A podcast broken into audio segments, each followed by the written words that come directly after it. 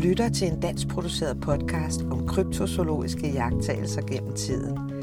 En podcast om menneskers møde med de særste væsener. Velkommen til De Mystiske Dyr. Velkommen tilbage til anden del af minitemaet om de store fisk, havdyr og søslanger set gennem tiden. Jeg hedder Michaela Rosenkilde og skal være din vært i denne omgang søslanger og havuhyre. Avisarkiver, især de ældre, er spækket med historier om møder med havuhyre og opskyllede underlige væsener.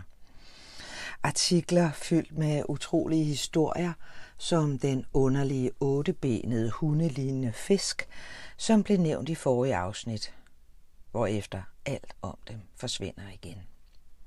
Det er det, der er så underligt. Avisartikler, der beskriver detaljer hos dyr, der kun ses en enkelt gang eller måske to, men så aldrig dukker op igen. I forrige afsnit handlede det blandt andet om den 4,5 meter totalt ukendte haj, man trak op af havet ud fra Hawaii i 1976.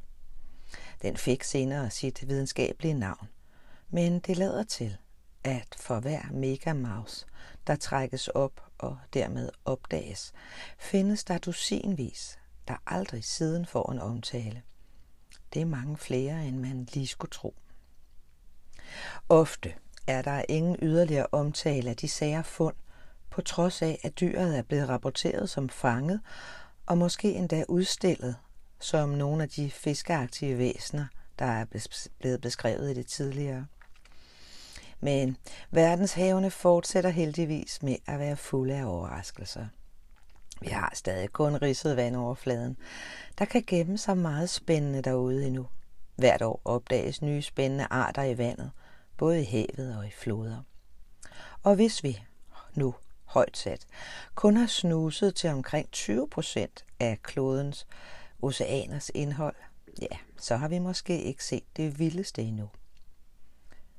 Lad os straks gå over til det moderne uhyre ningen.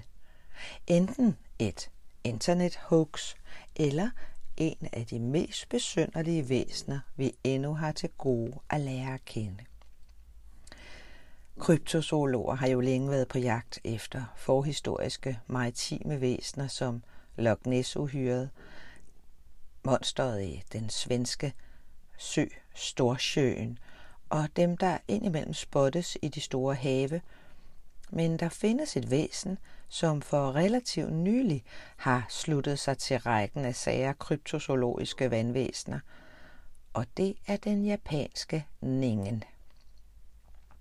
Ningen blev første gang omtalt ved navn i 2002 i et forumindlæg på det japanske online-forums hjemmeside 2Channel, som hævdede, at medlemmerne af et valforskningsskib så det her havvæsen, da det dukkede op nær deres skib ud for den antarktiske kyst.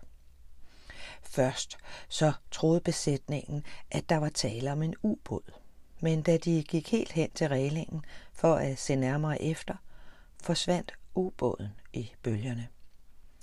De skulle så efterfølgende have beskrevet det dyr, de så som hvid og menneskelignende. Ningen er til synlædende en slags japansk havfrue.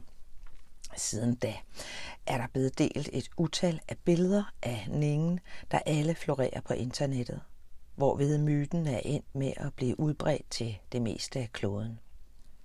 Den har sågar fået sig en fætter i skikkelse af et lignende væsen, kaldet Hitogato på Nordpolen. Og netop fordi ningen siges at leve på Sydpolen, så er dens eksistens svær at bekræfte eller afvise, da det er et temmelig isoleret sted, hvor der sjældent kommer mennesker.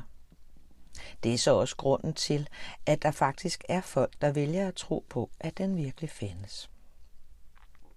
De første rapporter om disse bizarre havdyr skulle altså efter sigende først være dukket op i slutningen af det 20. århundrede, hvilket egentlig er lidt sært i betragtning af, hvor mange århundreder søfolk har krydset verdens have, uden på noget tidspunkt at nævne disse gigantiske dyr.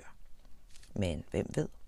Andre dyr har jo også undgået vores øjne, før vi pludselig fik dem i nettet. Som med den blå fisk, der var væk i 65 millioner år, før den pludselig gik i nettet i Sydafrika. Så den slags sker altså. Et japansk havforskningsfirma offentliggjorde i 2005 en YouTube-video, der viser havlivet, som de observerede det gennem deres undervandskameraer. I slutningen af videoen ser man et stort væsen med små øjne og en stor, smilende, spaltelignende mund, som tilsyneladende ligger på havbunden. Selvom mange nu mener, at den optagelse er et bevis på den berygtede ningen, så mener andre, at optagelsen bare viser nogle ganske ordinære slangeål. Ningen er blevet beskrevet som et kæmpestort, spækfyldt, vallignende væsen, hvis glatte, blege form vagt minder om et menneskes hoved med torso og vedhæng, der let ligner arme. Nogle øjenvidner mener, at ningen har en slags havfruelignende hale i stedet for to bagben, og andre insisterer på, at den derimod har noget, der ligner hænder, komplet med fem fingre for enderne af de vedhæng eller måske tentakler, der kan illudere arme. Nogle vidner har også nævnt, at disse dyr til synlædende ikke har nogen naturlige ansigtstræk, bortset fra to store øjne og en mundlignende slis. Ifølge de fleste beretninger er disse væsener primært netaktive. Ningen ses nemlig primært om natten og i iskolde farvande. Det får flere til at tro, at hvis det virkelig eksisterer, holder det sig måske skjult omkring Arktis. Det er også muligt, at det simpelthen holder til og lever under isen. Det er ret tydeligt, at billederne af ningen, som engang imellem dukker op, oftest virker manipuleret, og myten er der også endnu så ny, at ningen til synladende ikke engang har et fastlagt udseende, i det man skildrer den som alt fra en havfruelignende skabning til et snibboldagtigt ansigt på to menneskeben. Ningen varierer desuden i størrelse, i det den af nogen betragtes som at være kolossal, mens andre beskriver den som værende en hel del mindre. Det eneste træk, der egentlig ses gå igen, er, at ningen altid beskrives som kridhvid. Det skulle så gøre det nemmere for den at skjule sig i de snehvide omgivelser på Sydpolen. Nogle mener, at den lever det meste af tiden i vandet. Mange mener, at det, der måske startede som en joke i et populært japansk online-forum, på en eller anden måde har ført til et væld af vidneobservationer og påståede videobeviser af et meget underligt væsen, der både lidt ligner en fisk, men som også har sært menneskelige træk. I 2005 fangede Google Earth, hvad nogen mener kunne være en ningen i Sydhavet. Men der er mange skeptikere, der mener, at ningen nok bare var et isbjerg, der tilfældigvis lignede havuhyret lidt. Der cirkulerer som sagt adskillige videoklip og mere eller mindre interessante fotos på internettet, som alle siges at vise ningen. Men som med de fleste kryptozoologiske dyr, så er der ingen, der rigtig er kommet med et endeligt bevis. Det har dog ikke forhindret en stadig søgen efter ningen, for havet er jo stort, og vi har med sikkerhed ikke set det underligste endnu. Så hvem ved, om der virkelig skulle gemme sig en ningen derude. Vi får se. Nå, straks videre til søslanger. Rettere sagt, straks videre til Nessie. Loch ness lever til synladende stadig godt og har vist sig ikke mindre end 16 gange i 2021 mod kun 13 observationer i 2020. Her skal vi tage de fem mest interessante. Det hele begynder onsdag den 2. juni 2021, hvor en ung mand på besøg fra Cambridge ser et uidentificeret væsen i omkring to sekunder i Orchard-bugten tæt på slottet omkring kl. 13.30, mens han betragtede søens overflade gennem en kikkert. Han fortalte, at han så en pukkel dukke op mellem bølgerne. En pukkel, der har mindet ham om skjoldet på en skildpadde, sort med et grønligt skær. Han nævnte også, at vandet var varmt og solrigt, og at der var en fremragende sigtbarhed. 19. juli er en mand og hans datter på besøg fra Chester, hvor de fortæller at have set et uidentificeret bevægelse i søen. De var på vandring hen over bakkerne ved Fort Augustus og havde observationen kl. 15.20. De fortalte, at en krydstogsbåd havde passeret omkring 20 minutter tidligere, men at der ikke var nogen aktivitet fra andre både på tidspunktet for observationen. 26. juli. Sebastian, Oscar og Alexandra Norman fra Surrey besøger søen og tager en sejltur med et krydstogsbåd. De fortalte, at mod slutningen af deres bådtur, omkring kl. 11.30, da de var på vej tilbage, så Sebastian i det fjerne, omkring 20-30 meter væk, hvad han beskrev som en sort prik, som de forklarede. Da vi kom tættere på det, så vi en skældet sort form på størrelse med en middagstallerken, der ligesom virkede højere i den ene ende, som hvis man betragtede en skrant. Det lykkedes dem at tage et billede. 30. juli, fire dage senere, er Thomas Dobinson og med hans familie på besøg fra Wilshire, da han ser et ukendt væsen i vandet nær øh, slottet kl. 11.41. Han mente, at objektet i vandoverfladen var på størrelse med en hund og omkring 200 meter væk. Det virkede vådt og mørkt i farven, så det så sort ud. Synet varede mindre end et minut, og han fik et billede. Samme dag, 30. juli, er Mr. Vicock på besøg fra det nordvestlige England og scanner kl. 15.10 området med sin kikkert, da han lagde mærke til noget ude på søen. Han troede først, at det, han havde fået øje på, var omkring 30 cm højt og omkring halvanden meter langt, men var senere i stand til at sammenligne størrelsen med båden Jacobite Warrior, da den passerede området, hvilket fik ham til at revurdere. Nu mente han, at det, som han så på, var omkring 60 cm højt og omkring 3,5 meter langt. Han sagde, at to andre familier også stod og jagtog dyret samtidig med ham selv. Han tegnede en skitse af, hvad han så. 26. august var det Benjamin Scanlon, som var på ferie med sin familie. De tog en tur med båden Nessie Hunter fra selskabet Loch Ness Cruises. Han opdagede ved et tilfælde noget på ekoloddet på båden og skyndte sig at tage et billede.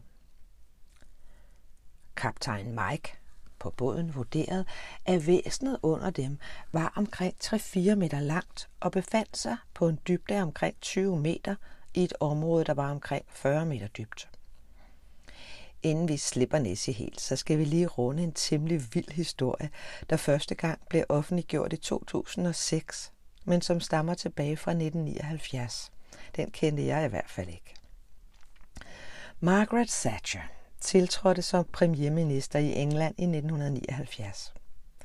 Kun et par dage efter valget beordrede den nye premierminister en embedsmand i Miljøministeriet ved navn David Weymouth til at sende et brev til Stuart Walker i det skotske indenrigs- og sundhedsministerium om muligheden for at lege eller bare låne nogle trænede delfiner fra den amerikanske flåde. Dokumenter, senere offentliggjorte, kunne vise, at regeringen ønskede en licens, altså en tilladelse til at igangsætte planen. Hvad skulle Margaret Thatcher så bruge dem til?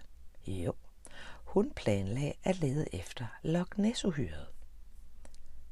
Det er ikke lige den opfattelse, jeg havde af jernladyen, som hun blev kaldt, men spændende er det jo. Nå, nyheden slap ud, og nogle dyrerettighedsaktivister protesterede voldsomt. De var meget imod at bruge delfiner til den slags. Andre var også imod ideen. Nessie-fans fra over hele verden frygtede, at man virkelig fandt dyret og så kom til at sove eller dræbe det. Men hvorfor var Englands premierminister så så interesseret i at finde Loch ness -uhyret?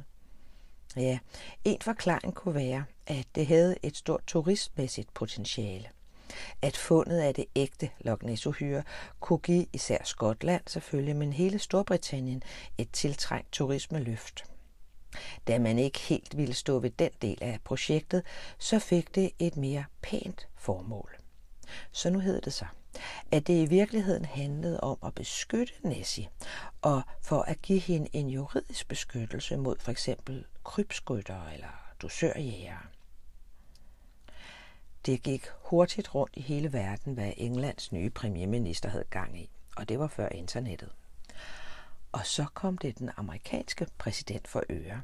Det var Ronald Reagan dengang. Han ringede hende op og drøftede projektet med hende. Andre tidligere hemmelige dokumenter afslører, at den svenske regering selv overvejede at beskytte deres eget Storsjø-monster, eller Storsjø-uhyret, og gerne ville vide, hvordan Storbritannien beskyttede deres uhyre i Loch Ness-søen.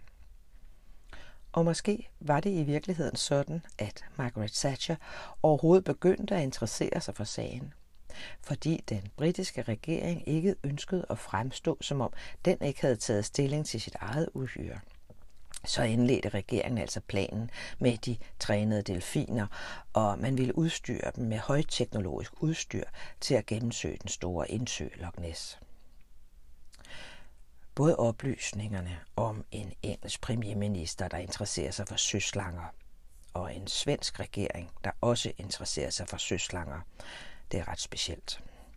Dokumenter, der afslørede hændelserne, blev offentliggjort så sent som i 2006. Blev det så til noget? Desværre nej.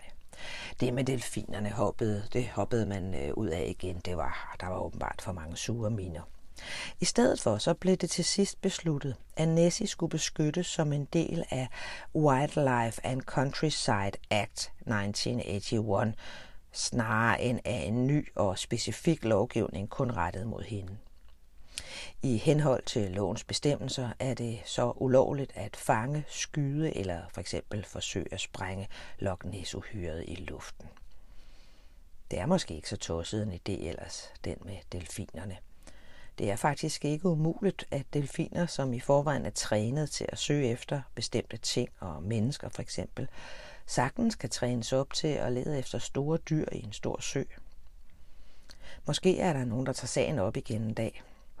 Indtil da, så vil jeg nok fremover altid forbinde Margaret Thatcher med eftersøgningen af Loch ness med delfiner.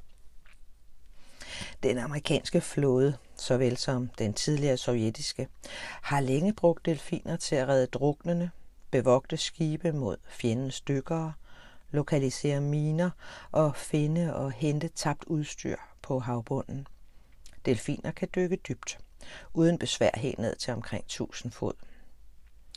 Det bliver også nødvendigt, hvis delfiner en dag skal kigge efter søslanger i Loch Ness-søen. Den er 750 fod dyb, svarende til 228 meter på det dybeste sted.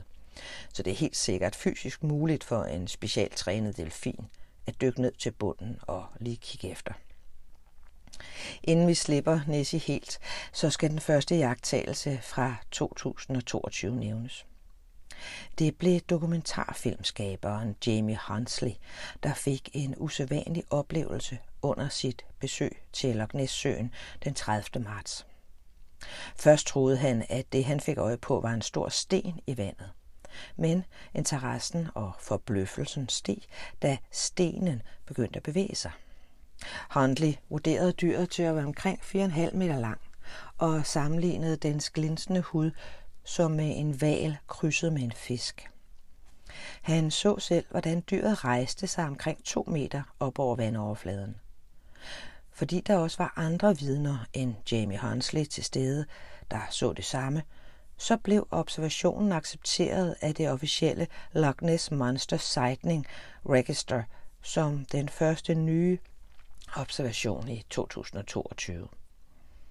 Der har ikke rigtig været flere observationer fra Loch Ness senere her i foråret, men på den anden side så er turistsæsonen jo heller ikke gået i gang. Vi forlader Skotland for at tage til Japan. Her bringer en japansk avis nemlig meget spændende nyt den 27. februar 2022. På øen Honshu, Japan, findes der en lille isoleret vandområde ved navn Otori Ike bogstaveligt talt oversat som Otorisøen. Søen ligger højt oppe i bjergene, 1000 meter over havets overflade. På trods af dens japanske navn, Ike betyder dam, og dens beskedende størrelse, er det faktisk ikke en dam, men snarere en lille sø, skabt af et jordskred, der engang spærrede for yderligere vandtilførsel. Søen er ret lille.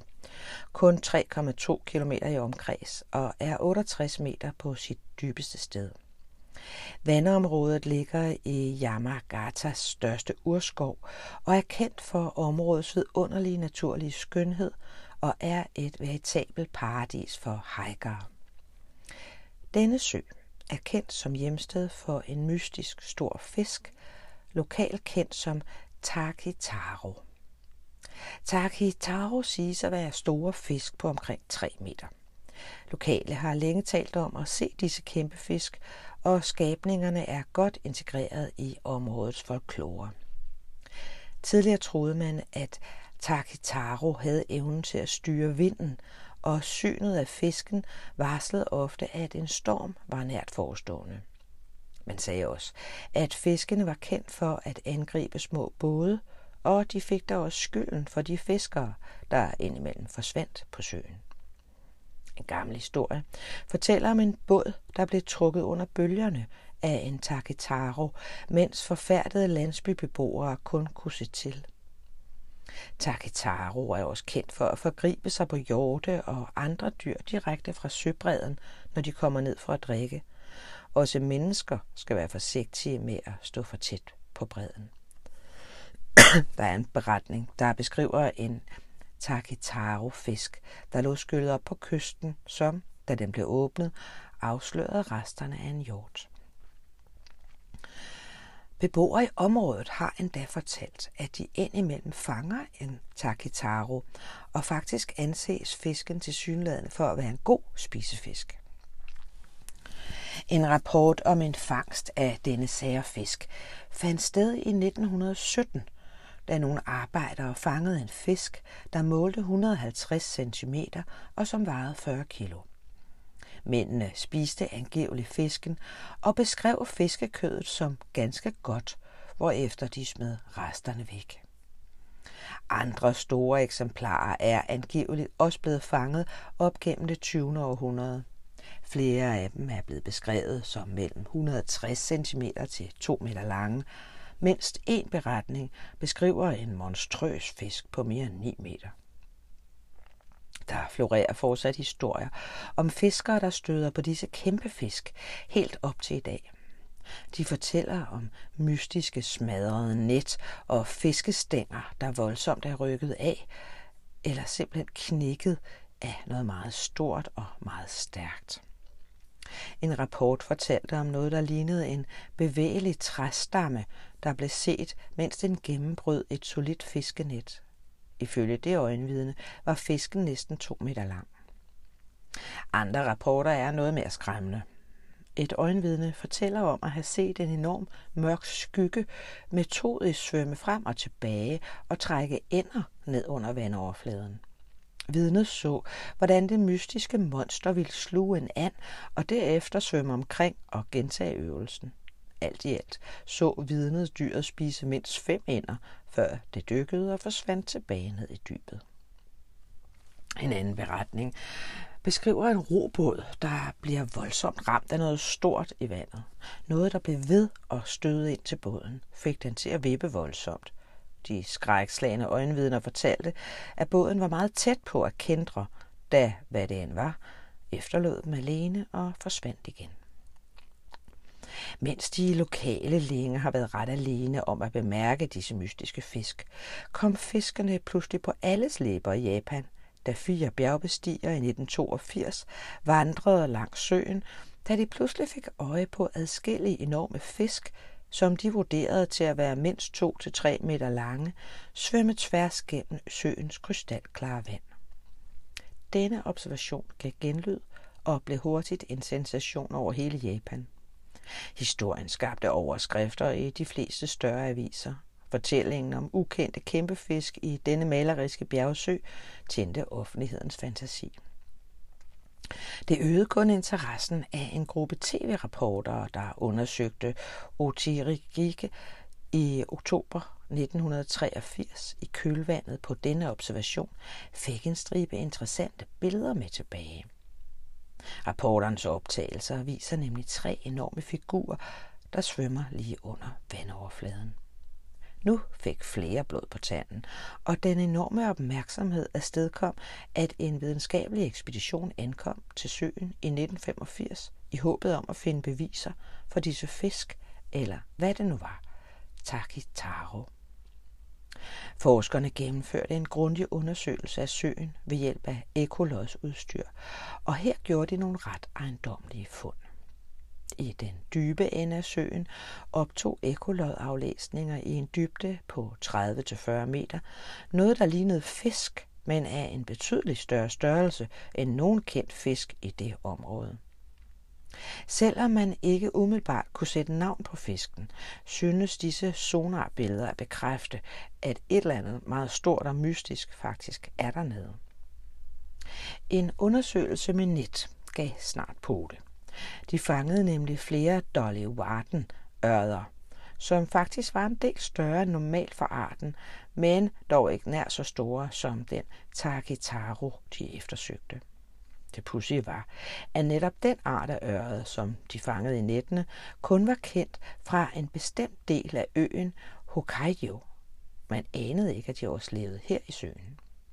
Og hvad mere sært er, søen burde slet ikke have fisk, i hvert fald ikke naturligt opstået.